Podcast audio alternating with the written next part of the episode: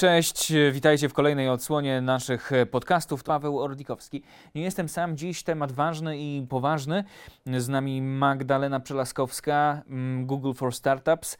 Jest z nami też przedstawiciel ukraińskiego startupu w tym trudnym i skomplikowanym czasie, Dimitri Podoliew, współzałożyciel i CEO Mindly, startupu zajmującego się zdrowiem psychicznym i terapią online. Dzień dobry, cześć. Ponad rok temu Putin rozpętał krwawą wojnę w Ukrainie to jest fatalne środowisko do prowadzenia biznesu. A jednak ukraińskie startupy wykazują wielki potencjał i możliwości do dalszych wzrostów. Dimitri, jak Twój startup radzi sobie po tym trudnym roku? No cóż, faktycznie radzimy sobie bardzo, bardzo dobrze, jeśli chodzi o nasz wzrost, ale myślę, że składa się na to kilka powodów. Po pierwsze, każdy w Ukrainie dzieli swoje życie na to sprzed i po wybuchu wojny bo ten 24 lutego zmienił wszystko diametralnie. Myślę, że generalnie przedsiębiorcy startupowi to takie osoby, które umieją działać w obliczu trudnych sytuacji i wciąż prą do przodu. Oczywiście wojna jest odrażająca, ale myślę, że ukraińska społeczność startupowa udowodniła, że może to przezwyciężać i iść do przodu. Jesteśmy bardzo wdzięczni wielu partnerom, a Google jest w czołówce wspierających ukraiński ekosystem startupowy. Bez tego byłoby dużo trudniej. A odnosząc się konkretnie do działalności Mindly, skupiamy się na wsparciu zdrowia psychicznego. To obecnie bardzo istotne. W ogóle uważam, że zdrowie psychiczne jest równie ważne, o ile nie ważniejsze, od zdrowia fizycznego. Dla Ukraińców w całym kraju, ale nie tylko, również dla tych 6 czy 7 milionów, które musiały wyjechać z Ukrainy, utrzymanie dobrej kondycji psychicznej jest niezwykle istotne. Dlatego w naszej firmie jesteśmy bardzo szczęśliwi, że możemy być dla nich wsparciem w tych trudnych czasach. Tak, to trudne czasy, bez wątpienia. Mindly zajmuje się terapią online. To na początek może wytłumacz naszym słuchaczom, jaką dokładnie terapię oferujecie.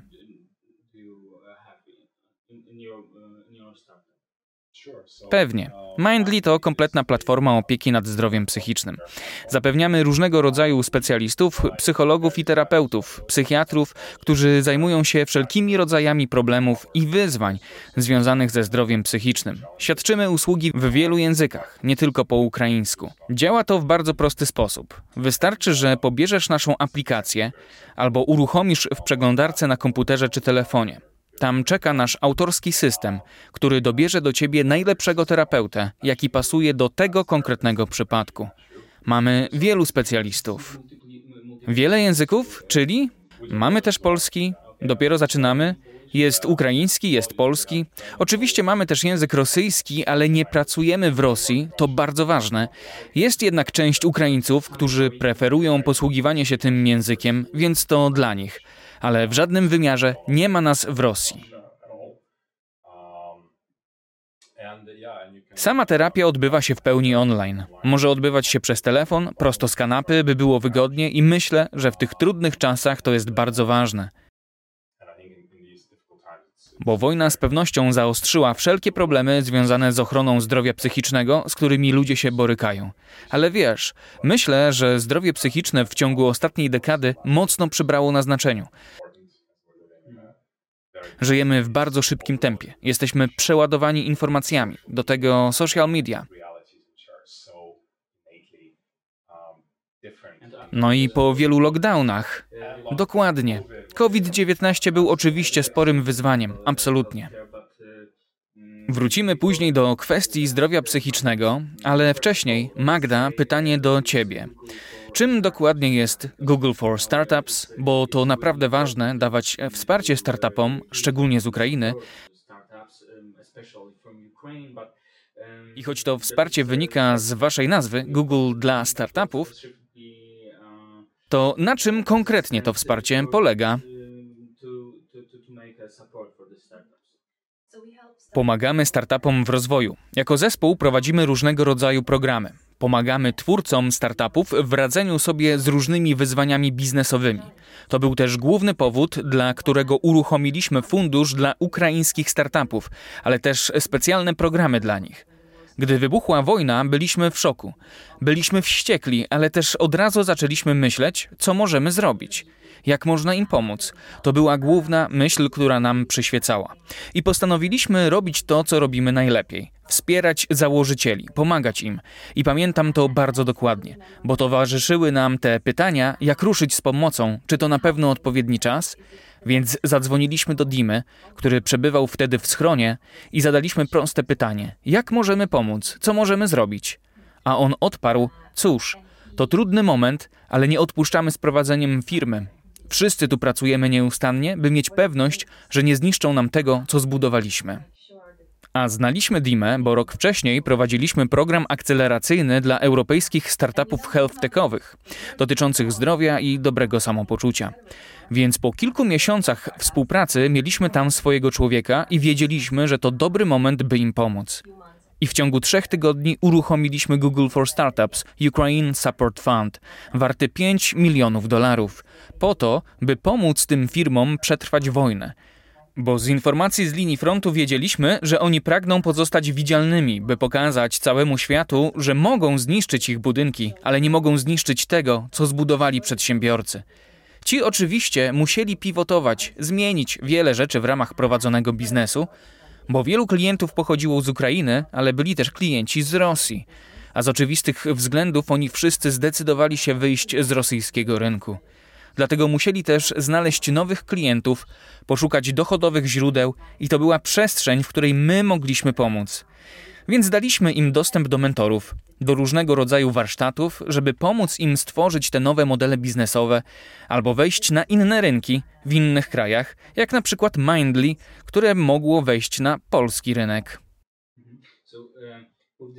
Więc, gdy zaczęła się wojna w Ukrainie, czy Google for Startups zmieniło w jakiś sposób rdzeń swojej działalności?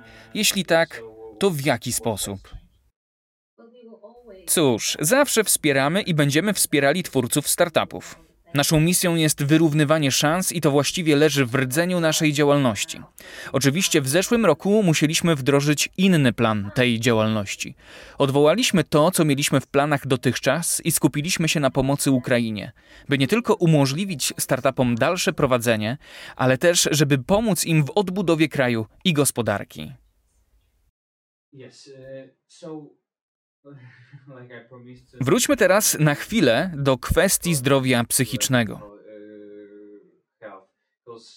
Bo to staje się palącym problemem i to globalnie, a już w szczególności w krajach wysoko rozwiniętych i rozwijających się. Startup Mindly powstał w 2021 roku, przez co odpowiadał na zapotrzebowanie dostępu do terapii online w czasie pandemii COVID-19. W 2022 roku przyszedł kolejny cios, dotkliwy dla zdrowia psychicznego, czyli wojna. Jeśli mówimy o samych Ukraińcach, dla nich potrzeba dostępu do wysokiej jakości terapii online będzie tylko rosła. Ale jesteśmy w dość specyficznym momencie, więc Dima, powiedz, jak przystosowujecie się w swoim startupie do tego momentu, by dawać szerszą przestrzeń pomocy w walce z problemami ze zdrowiem psychicznym? Tak naprawdę to bardzo złożony temat i może zająć sporo czasu, by rzetelnie to wyjaśnić i zgłębić go odpowiednio mocno. Ale podzieliłbym to na kilka części. Pierwsza to oczywiście takie kwestie jak pandemia czy wojna. Jedno i drugie występuje bardzo rzadko. A jeśli chodzi o Ukraińców, oba te traumatyczne wydarzenia dotknęły nas w ciągu zaledwie kilku lat. Więc dla naszego pokolenia radzenie sobie z tym jest niezwykle trudne. Przeżyliśmy COVID-19 i żyjemy w otoczeniu wojny. Kolejna część dotyczy już ogółu. Mamy tu pewnego rodzaju stygmatyzację wynikającą z przeszłości, przez którą to problemy ze zdrowiem psychicznym traktowane są jako coś gorszego, są wytykane. Dlatego wiele osób odmawia pomocy, by nie być kojarzonym z osobą, która ma problem natury psychicznej. Staramy się z tym walczyć, bo wiele najnowszych publikacji naukowych wskazuje, iż zdrowie psychiczne może być nawet ważniejsze od zdrowia fizycznego. Ponieważ jeśli zmagasz się z problemem zdrowia psychicznego, utrzymanie utrzymanie dobrej kondycji fizycznej jest znacznie trudniejsze niż odwrotnie. W Mindly przyjęliśmy holistyczne podejście, w którym chcemy pomóc bez względu na to, kim jesteś Ukraińcem, Polakiem czy jakąkolwiek osobą w dowolnym miejscu na świecie. Pomagamy Ci osiągnąć Twoje cele poprzez ustrukturyzowane, mierzalne i przewidywalne podejście. Więc już nie chodzi tylko o to, że masz problem w głowie, a my łączymy Cię ze specjalistą i pomagamy go rozwiązać, ale też pomagamy w tym, by podnieść jakość Twojego życia, czy w ogóle zmienić życie na lepsze. I to jest miejsce, w którym siła terapeutów i zdrowia psychicznego mogą naprawdę rozkwitnąć. Gdy wejdziemy na stronę mindlyspace.com, możemy zobaczyć statystykę, z której wyczytamy, że ponad 15 tysięcy osób znalazło swoich terapeutów dzięki waszemu startupowi. Widać więc, że robicie świetną robotę, ale wciąż jest sporo osób, które potrzebują waszej pracy oraz terapii online. To prawda, właściwie dawno nie aktualizowaliśmy danych z naszej strony. Pewnie powinniśmy robić to częściej, bo na dziś jest to już o wiele więcej osób, które podjęło na naszej platformie terapię. A jest to bardzo skomplikowany proces, bo z jednej strony musisz dopasować odpowiedniego terapeutę do danego przypadku, z drugiej są wspomniane wcześniej stygmaty i jak to mówimy, odpychacze, z którymi też musisz walczyć i starać się edukować ludzi, szczególnie by chcieli sobie pomóc już na wczesnym etapie. Bo jednym z największych obecnie problemów jest to, że ludzie dostrzegają potrzebę terapii, gdy znajdują się już w tak zwanej czerwonej strefie, czyli gdy jest już naprawdę bardzo źle. Około 9 9 na 10 takich przypadków jest poza kontrolą tych osób. Więc gdy jesteśmy w zielonej lub żółtej strefie, gdy jeszcze nie jest tak źle, to wtedy możemy coś z tym zrobić i mamy szansę zminimalizować ryzyko wejścia w czerwoną strefę, gdy sprawy wymykają się już spod naszej kontroli. Dlatego też naszą misją jest upewnienie się, że trzymasz się z dala od czerwonej strefy tak długo jak możesz. Myślę, że dla obywateli Ukrainy taka terapia to ostatnia deska ratunku, by pomóc samemu sobie. Jednak to trudne, gdy nad twoją głową latają rakiety, obok ciebie wybuchają bomby, upadają kolejne budynki i otaczają cię same straszne rzeczy. Przeżywasz przerażające chwile. Do tego poza strachem zmagasz się z frustracją, może depresją i wieloma problemami zdrowia psychicznego będąc już często w tej czerwonej strefie, o której mówiłeś. Ale to też kwestie czysto techniczne. Więc czy to w ogóle możliwe, by w takim otoczeniu połączyć się z terapeutą przez internet? Oczywiście, wielu Ukraińców zmaga się teraz z tym, że są w tych czerwonych strefach swojego zdrowia psychicznego. To są te przypadki, gdy coś dzieje się poza Twoją kontrolą, a mimo to życie toczy się dalej. A właśnie takie kwestie jak COVID czy wojna dzieją się poza naszą kontrolą. Co do samego internetu, tak, to jest konieczne do odbycia terapii. W ostatnich tygodniach sytuacja z elektrycznością nieco się poprawiła w całej Ukrainie. Oczywiście listopad i grudzień były bardzo trudne. Teraz jest o wiele łatwiej uzyskać dostęp do internetu. Pojawiło się też sporo Starlinków, które dostarczają internet satelitarny. Te są niezależne od głównego źródła zasilania w energię elektryczną, a wiadomo, gdy nie ma prądu, nie ma internetu. Tak więc Starlinki są bardzo pomocne, a mimo trudności myślę, że terapia online wciąż jest o wiele łatwiejsza niż dojazd do terapeuty, ponieważ możesz mieszkać w jednym mieście, terapeuta w drugim albo nawet za granicą. Więc dojazd jest trudniejszy niż nawet przełożenie terapii na kolejny dzień, kiedy będziesz mieć wystarczająco energii elektrycznej, aby zasilić modem internetowy i odbyć terapię online. Magda, widzimy więc, że nawet w tych trudnych warunkach ukraińskie startupy radzą sobie i dostarczają skuteczne rozwiązania. Ale w takim razie, które z nich radzą sobie najlepiej? Jakieś konkretne sektory w tym przodują? Po pierwsze, prawdopodobnie nie wszyscy wiedzą, że ekosystem ukraińskich startupów, szczególnie przed wojną, rozwijał się bardzo szybko. W zeszłym roku ogólna wartość przedsiębiorstw startupowych w Ukrainie warta była 23 miliardy dolarów, zgodnie z raportem opublikowanym w listopadzie ubiegłego roku. Dla porównania, ta ogólna wartość dla wszystkich startupów z całej Europy Środkowo-Wschodniej wynosi 119 miliardów dolarów. Więc już tu widać ogromny potencjał ukraińskich startupów. Kiedy uruchamialiśmy fundusz, szacowaliśmy, że jest około 2 do 3 tysięcy startupów w Ukrainie. Do funduszu zgłosiło się 1700 z nich. Możemy więc spojrzeć z lotu ptaka na to, jakie konkretnie to startupy. I na tej podstawie mogę powiedzieć, że większość z nich to startupy dla sektora B2B, co zresztą jest zauważalnym trendem w całej Europie Środkowo-Wschodniej. Ale co ciekawe, w przypadku tych ukraińskich, Duża grupa z nich to startupy działające w sektorze edukacji, więc są to edteki i sporo działa też w sektorze zarządzania zasobami ludzkimi, czyli HR. I myślę, że ma to związek z tym, że w Ukrainie jest około 300 tysięcy specjalistów IT. Stąd też wiele rozwiązań, które łączą tych specjalistów z firmami spoza Ukrainy.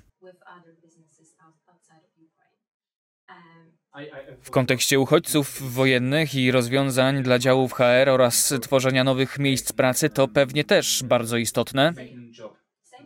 No, tak samo jest z edukacją. Jest wiele dzieci, które nie mają teraz dostępu do szkół, więc dostają teraz rozwiązania, które umożliwiają im kontynuowanie nauki online. Dokładnie tak jak z terapią, mają one szansę na utrzymanie kontaktu ze swoimi nauczycielami i uczenia się w swoim języku. Co ciekawe, jest też wiele narzędzi tekstowych, stąd też nie jest żadnym zaskoczeniem, że to sztuczna inteligencja jest produktem numer jeden używanym przez startupy. Kolejną dużą grupą są też startupy z sektora marketplace.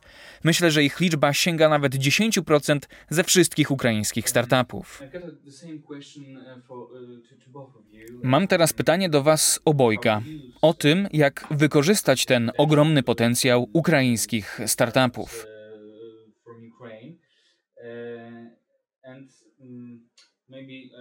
Być może do ciebie, Dima, lepsze będzie pytanie o to, jak skorzystać z tego potencjału, by przywrócić Ukrainę na ścieżkę wzrostu gospodarczego. A z drugiej strony, i to pytanie kieruję do ciebie, Magda, jak wykorzystać ten potencjał w krajach zachodnich? Dima, zacznijmy od ciebie. Cóż, myślę, że dla przedsiębiorców najważniejsze to po prostu skupić się na budowaniu swojego biznesu i robienia wszystkiego, co w naszej mocy, mimo ciągle zmieniających się okoliczności, w których się znajdujemy. Myślę, że to jedna z najważniejszych rzeczy, bo jeśli wchodzisz na drogę bycia przedsiębiorcą, to Twoim zadaniem jest upewnienie się, że robisz to, co najlepsze dla swoich klientów, a robisz to innymi przez zbudowanie najlepszego zespołu pracowników, szukaniu najlepszych inwestorów. Ich wymieniam na końcu, ale również są bardzo ważni. Myślę, że możemy być wdzięczni za niesamowite wsparcie, szczególnie dla startupów, dzięki czemu coraz więcej organizacji napływa do nas i pomaga nam nie tylko rosnąć, ale i szybciej wrócić do ożywienia gospodarczego. Myślę więc, że najważniejsze jest skupienie się na własnych rzeczach. To bardzo trudne pytanie, ale ma bardzo prostą odpowiedź. Musisz skupić się na tym, co robisz i w czym jesteś najlepszy. Jeśli chodzi o dzielenie się wiedzą, doświadczeniami, to myślę, że dla zachodnioeuropejskich startupów bardzo ważne jest korzystanie z. Tak umiejętności miękkich. Często podkreślamy, że 50% sukcesu w startupie to zespół. Prowadziłam wiele różnych tego typu programów przez ostatnich 7-8 lat. Jeden z moich ulubionych to Akademia Założycieli, w którym skupiamy się na umiejętnościach przywódczych. Współpracujemy z założycielami w zakresie tego, jak motywować zespół, jak określać odpowiednie cele, misje czy wizje. Myślę, że założyciele z Ukrainy staną się mentorami dla wszystkich założycieli z zachodniej Europy, bo ich wytrwałość jest niewiarygodna radzą sobie z niewyobrażalnym stresem, ogromem wyzwań, a wciąż są zdeterminowani w kontynuowaniu swojej działalności, zachowując przy tym optymizm, jak możemy to zobaczyć w przypadku Dimy, prawda? Błyskawiczna zamiana miejsc, gdy ze startupowca stajesz się mentorem. Tak, oni wszyscy wierzą, że Ukraina wygra, że ich startupy odniosą sukces. A odporność to nie tylko bycie twardym, ale także umiejętność stawiania czoła wszelkim wyzwaniom. I to jest bardzo ważne dla założycieli, by umieć wyciągnąć z tego wnioski i pokonać te przeszkody, będąc skupionym, jak Dima wspomniał, ale też mierząc siły na zamiary. Więc zdecydowanie tak to widzę, wybiegając do przodu i myślę, że to będzie od teraz moją misją, by rozpowszechniać tę wiedzę wśród założycieli startupów z Zachodu i pomagać im uczyć się na tych doświadczeniach płynących z Ukrainy. A co jest obecnie największym problemem dla ukraińskich startupów? To pieniądze, ludzie, może wiedza? Co dokładnie stanowi to największe wyzwanie? Mamy niesamowitych ludzi, więc to nie jest problem. Mamy też dostatecznie dużo pieniędzy, więc to też nie jest problem. Myślę, że największym problemem jest właśnie dostęp do wiedzy. Bo wiesz, budowanie biznesu jest niezwykle trudne. Wojna tylko to komplikuje. A celem, zwłaszcza na wczesnym etapie, jest minimalizowanie błędów, bo każdy jeden sporo kosztuje pieniędzy i czasu, ale uderza też w motywację Twoją i Twojego zespołu. I to niekończąca się historia. Więc to bardzo ważne, by zbudować społeczność. Wiele osób zadaje mi pytanie, co jest dla mnie bardziej wartościowe: pieniądze, które otrzymałem, jak w tym przypadku 100 tysięcy dolarów, czy umiejętności miękkie, wiedza i społeczność, która wokół tego powstała? I zawsze wskazuje na to drugie, ponieważ możesz bardzo szybko przepalić pieniądze, działając niewłaściwie. A to, co oferuje Google, to wsparcie mentorskie, ale i sieć kontaktów z innymi startupami, dzięki czemu możemy wspierać się nawzajem i wymieniać doświadczeniami. Przez to zyskujemy pewność, że możemy zminimalizować liczbę popełnianych błędów. Jako przykład mogę powiedzieć, że z Mindly nie bylibyśmy tu, gdzie jesteśmy dziś, bez tej sieci kontaktów, do której weszliśmy i mogliśmy dzięki temu rosnąć w ciągu ostatniego roku. I udało się dzięki temu wdrożyć rzeczy, które chcieliśmy w naszej firmie. Ta sieć pomogła mi jako założycielowi i mojemu partnerowi oraz całemu naszemu zespołowi robić to, co chcieliśmy we właściwy sposób i faktycznie wejść na ścieżkę rozwoju. Więc społeczność, wsparcie mentorskie i dzielenie się wiedzą, myślę, że to jest najważniejsze. Wszystko inne przychodzi z czasem. Myślę, że te społeczności i sieci kontaktów często są niedoceniane. Patrząc na ukraińskie startupy, miliony osób przesiedliły się, wiele z nich przeniosło się do Warszawy, część trafiła do naszego kampusu. Ale niektóre przeniosły się jeszcze dalej do Hiszpanii, Portugalii, Stanów Zjednoczonych czy Kanady. Więc naturalnie tworzą teraz międzynarodową sieć, dzięki czemu mogą wzrosnąć jeszcze bardziej, czerpiąc od ludzi z innych krajów. A dzięki takiej sieci łatwiej jest trafić ze swoim startupem do tych krajów, czy nawiązać kontakt z funduszami z tych miejsc, jak Stany, Kanada, czy gdziekolwiek na świecie. Więc powstała też możliwość ekspansji. Dobrze. Powiedziałaś o tym nieco wcześniej, ale dopytam. Jakie są te najbardziej cenne wskazówki, rady, lekcje, które można wyciągnąć z obserwacji ukraińskich startupów, jak na przykład Mindly. Myślę, że tak jak już wspominaliśmy, trzeba być naprawdę skupionym na celu końcowym i posiadać tę determinację, by go osiągnąć, a także wierzyć w sukces tego, co robisz. I jak powiedziałam wcześniej, ta odporność jest kluczowa, bo mierzymy się ze słabościami niemal każdego dnia. Trzeba też być otwartym na wiedzę. Mając możliwość bycia w tej społeczności, pracy z mentorami, musisz naprawdę chcieć uczyć się od innych. Być otwartym na różne wskazówki czy pomysły. Więc otwarty umysł też jest kluczowy. No i oczywiście zespół, czyli ludzie, którzy wyznają wspólne wartości, mają ten sam cel. To naprawdę napędza biznes, pozwala mu iść naprzód. Więc to nie tylko generowanie przychodu, ale też ludzie, z którymi wyznaczasz i osiągasz kolejne cele. Ważna jest też wizja, którą masz. Um, uh, mm, uh, to pozostajmy na chwilę przy tej wizji. Mówimy dziś o startupach, ich potencjale do wzrostów. Mówimy o wsparciu ze strony Google, mentorskim, ale też na wielu innych płaszczyznach. Jednak wojna wciąż trwa. A czy myślicie już o jej końcu, o odbudowie Ukrainy i o tym, jak korzystać z tego potencjału do jej odbudowy? Bo możemy mówić o ekspansji do Europy, Stanów Zjednoczonych czy ogólnie rozumianego świata zachodniego. Ale w waszej wizji dotyczącej Ukrainy, jak skorzystać z tego potencjału do odbudowy kraju i powrotu na ścieżkę wzrostu? Jak do tego dojść? Chcesz zacząć, czy ja mam? Możesz ty. Myślę, że każdy marzy o tym, by wojna się skończyła. Marzyliśmy o tym przez cały poprzedni rok, jest kolejny rok i cały czas to samo marzenie. Im szybciej to nastąpi, tym lepiej. Jesteśmy pewni, że to się stanie, że Ukraina zwycięży. Jestem też przekonany, że im silniejsze będą nasze startupy, im większy odniosą sukces, tym silniejszy będzie nasz kraj i tym lepiej będzie przygotowany do odbudowy. Patrząc tylko na Mindly, mamy oczywiście swoich pracowników i ich rodziny, które wspieramy, również finansowo, ale mamy też tysiące klientów, którzy korzystają z naszych terapii i to zajmuje mi całe dnie czytanie tych publicznych recenzji, jak bardzo ta terapia im jest potrzebna i pomocna. Sporo osób straciło pracę, ale dzięki terapii mogło uwierzyć, że pomimo konsekwencji wojny jest dla nich przyszłość i nadzieja, że będą mogli wrócić na rynek pracy i odbudować PKB Ukrainy, czyniąc naszą gospodarkę silniejszą, nawet w czasie wojny. Dla mnie, jako przedsiębiorcy, startupowca, im szybciej rośniemy, tym mocniejszy jest nasz zespół, a w efekcie tego pomagamy tysiącom konsumentów, dzięki czemu oni z kolei mogą przyczynić się do wzrostu gospodarczego.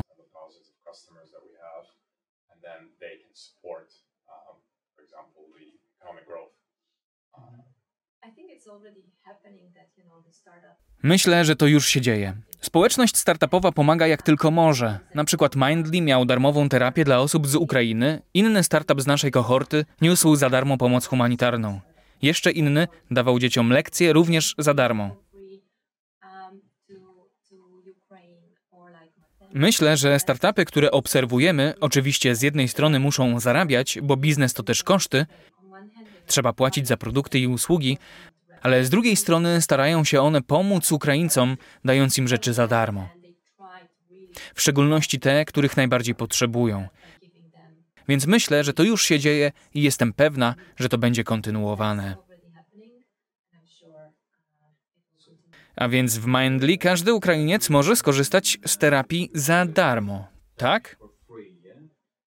Cóż, tak było w czasie pierwszych kilku miesięcy wojny, to prawda. Przeprowadziliśmy tysiące sesji terapeutycznych za darmo. Terapeuci też robili to za darmo? Nie, nie. Terapeuci to także ludzie. Również przeżywają trudny czas. Byli opłacani, korzystaliśmy ze wsparcia darczyńców. Przez pierwsze trzy tygodnie zbieraliśmy pieniądze dla armii. Zebraliśmy 30 milionów dolarów. Bardzo dużo pieniędzy. Pomogliśmy też Narodowemu Bankowi Ukrainy scyfryzować ten proces. Stworzyliśmy prosty system płatności. Każdy mógł płacić kartą, bez znaczenia jak duże było to wsparcie, czy dolar, czy tysiące dolarów. Dlatego też system mógł obsłużyć dziesiątki milionów dolarów z wpłat. Po tym zaczęliśmy udostępniać darmowe sesje terapeutyczne w pierwszych kilku miesiącach wojny. Co zabawne, widzimy o wiele większy potencjał, gdy jak teraz za sesję trzeba zapłacić. W pierwszych miesiącach darmowe sesje były konieczne, bo nikt nie wiedział co dalej. Jednak na dłuższą metę, to prawda, rzeczy kosztują, firmy są nie tylko po to, by zarabiać pieniądze, ale myślę, że też, by sprzyjać zrównoważonemu rozwojowi oraz móc dalej dostarczać swoje usługi.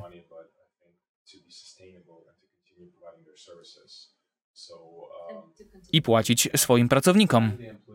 I płacić pracownikom, ale oczywiście również terapeutom, ponieważ wiecie, terapeuci nie są naszymi pracownikami, ale wspieramy ich i ich rodziny również, a oni wspierają naszych klientów.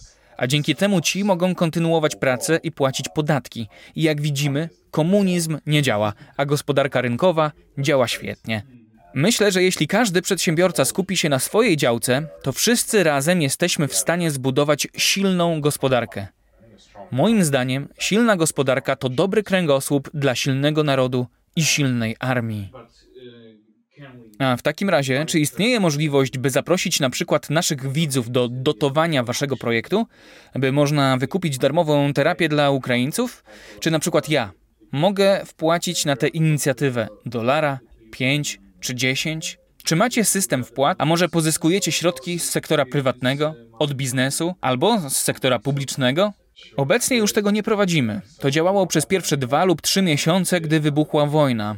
Teraz jednak wciąż przecież funkcjonuje wiele różnych organizacji pozarządowych, które koncentrują się na pomocy kierowanej do konkretnych osób lub na konkretne cele, jak zdrowie psychiczne czy fizyczne, ale też innych usług. Jestem pewien, że każda chętna osoba może bezpośrednio im przekazać darowiznę. My na początku wojny dostrzegliśmy niszę, którą natychmiast trzeba było wypełnić, Ale z czasem duzi, profesjonalni, instytucjonalni gracze zaczęli wykonywać swoją robotę.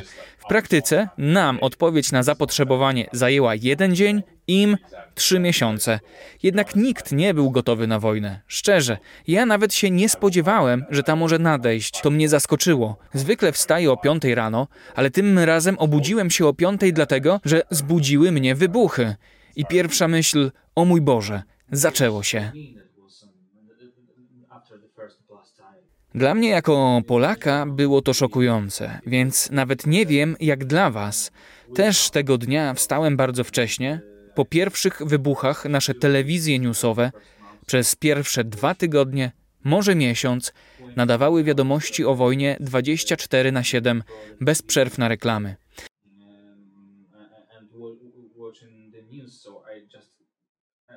Ja spędzałem przed telewizorem pewnie z 20 godzin dziennie. Więc nawet sobie nie wyobrażam, jakie odczucia Wam, Ukraińcom, towarzyszyły w tym czasie, będąc w czerwonych strefach nie tylko z nazwy, ale i przez spływającą krew. To straszne.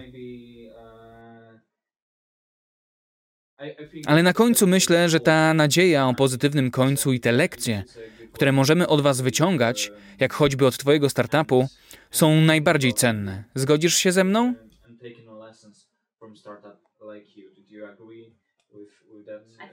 Myślę, że zdecydowanie możemy się sporo od siebie nauczyć. Ukraińcy pokazali dużą odporność i determinację, ale myślę, że Polacy pokazali też swoje serce i fakt, że wszyscy pomagaliśmy od pierwszego dnia wojny i od razu otworzyliśmy drzwi do naszych domów.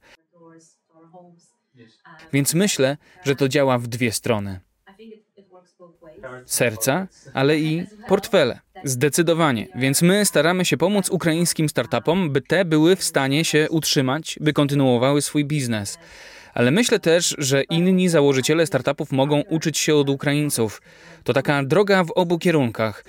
My zawsze wierzymy w społeczności i naprawdę staramy się upewnić, że te startupy rozmawiają ze sobą i że dzielą się tymi lekcjami, które dają nam założyciele tacy jak Dima i inni, ze startupami z Europy Zachodniej czy z Polski.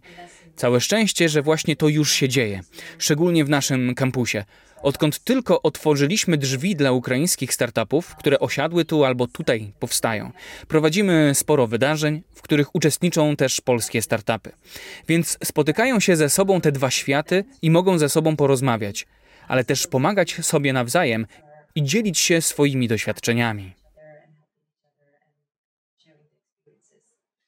Wspominaliście wcześniej o edtechach, czyli startupach technologicznych dla edukacji oraz o potrzebie samej w sobie edukacji również w startupach.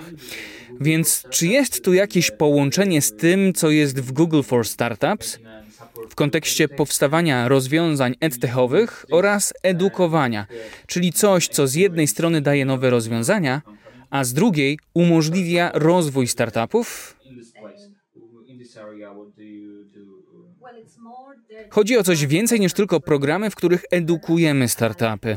W naszym kampusie mamy wiele różnych startupów, nie są one tylko z sektora edtechowego. Jest tu ogromna różnorodność, choćby patrząc po naszym funduszu, w którym znalazło się 58 startupów i są one z naprawdę różnych pól działalności.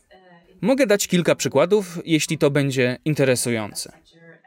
Więc mamy na przykład taki startup Esper Bionics, który tworzy protezy rąk napędzane sztuczną inteligencją oraz 24 sensorami odbierającymi sygnał prosto z mózgu, by mieć pewność, że ruch będzie jak najbardziej płynny i pod kontrolą. Myślę, że takie rozwiązania z protezami rąk powiązanymi z AI to coś, czego Ukraina teraz mocno potrzebuje i będzie potrzebowała w przyszłości. Startup został zauważony przez tygodnik Time i uznany jako jeden z największych wynalazków 2022 roku. Respeecher, kolejny startup bardziej z sektora deep tech, wykorzystujący AI do tworzenia narzędzi głosowych dla twórców treści, które jest też już obecne w filmach Hollywood. Więc jest cała gama różnorodnych rozwiązań, z którymi pracujemy. Mogłabym wspomnieć też Zili, startup, którego założyciele znaleźli się na europejskiej liście Forbesa 30 przed 30. Znaleźli się też w topowej trójce konkursu Slash 100, a tworzą napędzane sztuczną inteligencją mobilne strony internetowe dla małych firm. Więc są to naprawdę przeróżne kategorie, z którymi pracujemy, ale to, co łączy je wszystkie, to fakt, że staramy się im pomóc uzyskać pewność, że biznes będzie szedł naprzód, że będą wydajni, że będą mieli dostęp do odpowiednich mentorów i, jak powiedzieliśmy wcześniej, że mogą pomagać sobie nawzajem. Może wytłumaczę to za pomocą przykładu. Google ma wewnętrzny system, do którego dostęp mają wszystkie startupy. I na przykład, jeśli potrzebuję rady związanej z pozyskaniem kapitału, mogę znaleźć tam obecnego lub byłego pracownika Google albo partnera, który ma w tym temacie doświadczenie i zarezerwować darmową sesję. I to jest ta edukacja. Mogę zadać konkretne pytania i inna osoba, która ma odpowiednie doświadczenie, albo została mentorem, da mi odpowiedź. Więc nie jest to taka typowa edukacja, strukturalna, ale bardzo niszowa, skupiona na konkretnych rozwiązaniach. Ale to jest największa wartość, która obejmuje wszelkie startupy. Magda wspomniała wiele wspaniałych startupów, które dzielą się doświadczeniami. Z jednym z nich spotkaliśmy się w toalecie i ta krótka, dosłownie pięciominutowa rozmowa pozwoliła całkowicie zmienić naszą strategię pozyskiwania klientów. I to też możemy nazwać edukacją, czyli otrzymywaniem ważnych informacji od społeczności startupowej zrzeszonej w Google for Startups, zarówno ze spotkań fizycznych, ale i wirtualnych. I my, jako członkowie tej społeczności, mamy dostęp nie tylko do funduszu, ale i do wielu różnych programów akceleracyjnych. Myślę, że właśnie ta społeczność, ten rodzaj wiedzy, to największa wartość, jaką możemy uzyskać. Ale znowu, jak już Magda powiedziała, musisz mieć naprawdę otwarty umysł i być przygotowanym przed każdą z sesji, aby wynieść z nich jak najwięcej. Ale kluczowy jest tu też czas, czyli otrzymanie odpowiedzi na konkretne potrzeby dokładnie w tym czasie, kiedy pojawia się ten głód wiedzy. Wyzwania pojawiają się każdego dnia i każdy dzień przynosi coś nowego. Więc to ważne, by mieć dostęp do wiedzy dokładnie wtedy, gdy jej potrzebujesz. Tak, to ważne, by być głodnym tej wiedzy, ale też mieć miejsce, w którym ma się do niej dostęp. Przed pandemią, to pytanie do ciebie, Dima, utarło się takie twierdzenie, że terapia online nigdy nie będzie tak dobra jak sesja na żywo w gabinecie. A jak teraz to widzisz? Szczególnie już po pandemii, ale też w odniesieniu do sytuacji związanej z wojną, bo to chyba nawet bardziej istotne teraz, by mieć dostęp do terapii online. Jak ty to widzisz? Och tak, wiesz, podczas wojny absolutnie tak. Bo możesz być w miejscu, w którym nie ma żadnego terapeuty i dostęp do niego przez internet to jedyna dostępna opcja. Ogólnie rzecz biorąc, być może terapia online działała przed COVID-em. Ogólnie rzecz biorąc, być może terapia offline działała przed COVID-em, ale nie jest już tak wydajna. Przyszedł COVID i całkowicie zmienił wszystkie nasze realia. Internet wyszedł naprzód, wykreował cyfrową gospodarkę, która jest bardziej wydajna. Ludzie rzadziej przychodzą do pracy w biurze a częściej komunikują czy socjalizują się cyfrowo. To samo dotyczy terapii. Są oczywiście specyficzne przypadki, dla których dobra będzie terapia w gabinecie. To dotyczy głównie dzieci. Jeśli wskazany jest też dotyk, to wiadomo, że terapia offline będzie lepsza ale w 99% przypadków terapia przez internet będzie tak samo dobra, a czasami nawet lepsza. Pamiętajmy, że jednym z największych wyzwań w terapii jest to piętno, które odpycha, bo chcesz być w swojej bezpiecznej strefie, ale jeśli spotykasz się z kimś twarzą w twarz, to już nie czujesz się tak pewnie. To wynika z naszej podświadomości. Wiem, że terapeuta nic złego mi nie zrobi, ale podświadomość podpowiada nam: nie znam cię, więc się boję. A gdy łączysz się online, masz przed sobą ekran jesteś w swoim domu, więc jesteś w swojej strefie komfortu. A zawsze, jeśli tylko coś pójdzie źle, możesz zamknąć klapę od laptopa i tyle. Sam jestem po terapii i zaczynałem ją w gabinecie, a potem przeszedłem na terapię online, ponieważ kiedy ją kończyłem, to był sam środek pandemii. Więc mam to doświadczenie i porównanie. I tak dobrze jest być w domu, w bezpiecznym dla siebie miejscu i móc porozmawiać z terapeutą o wszystkim, i to naprawdę działa. I nigdy się nie spóźniasz. I nigdy się nie spóźniasz. Ale może czasem się zdarzyło no, przeprosić za spóźnienie, nawet online. Ale wszyscy nauczyliśmy się, jak pracować online i mieć te wszystkie internetowe spotkania. Więc teraz jest znacznie łatwiej. Wszyscy się tego nauczyliśmy. Ostatnie pytanie do Was obojga, bo wspominaliście już o sztucznej inteligencji. A więc czy uważacie, że nowe technologie, a w szczególności rozwój sztucznej inteligencji, pomoże w walce z rosyjską agresją w Ukrainie?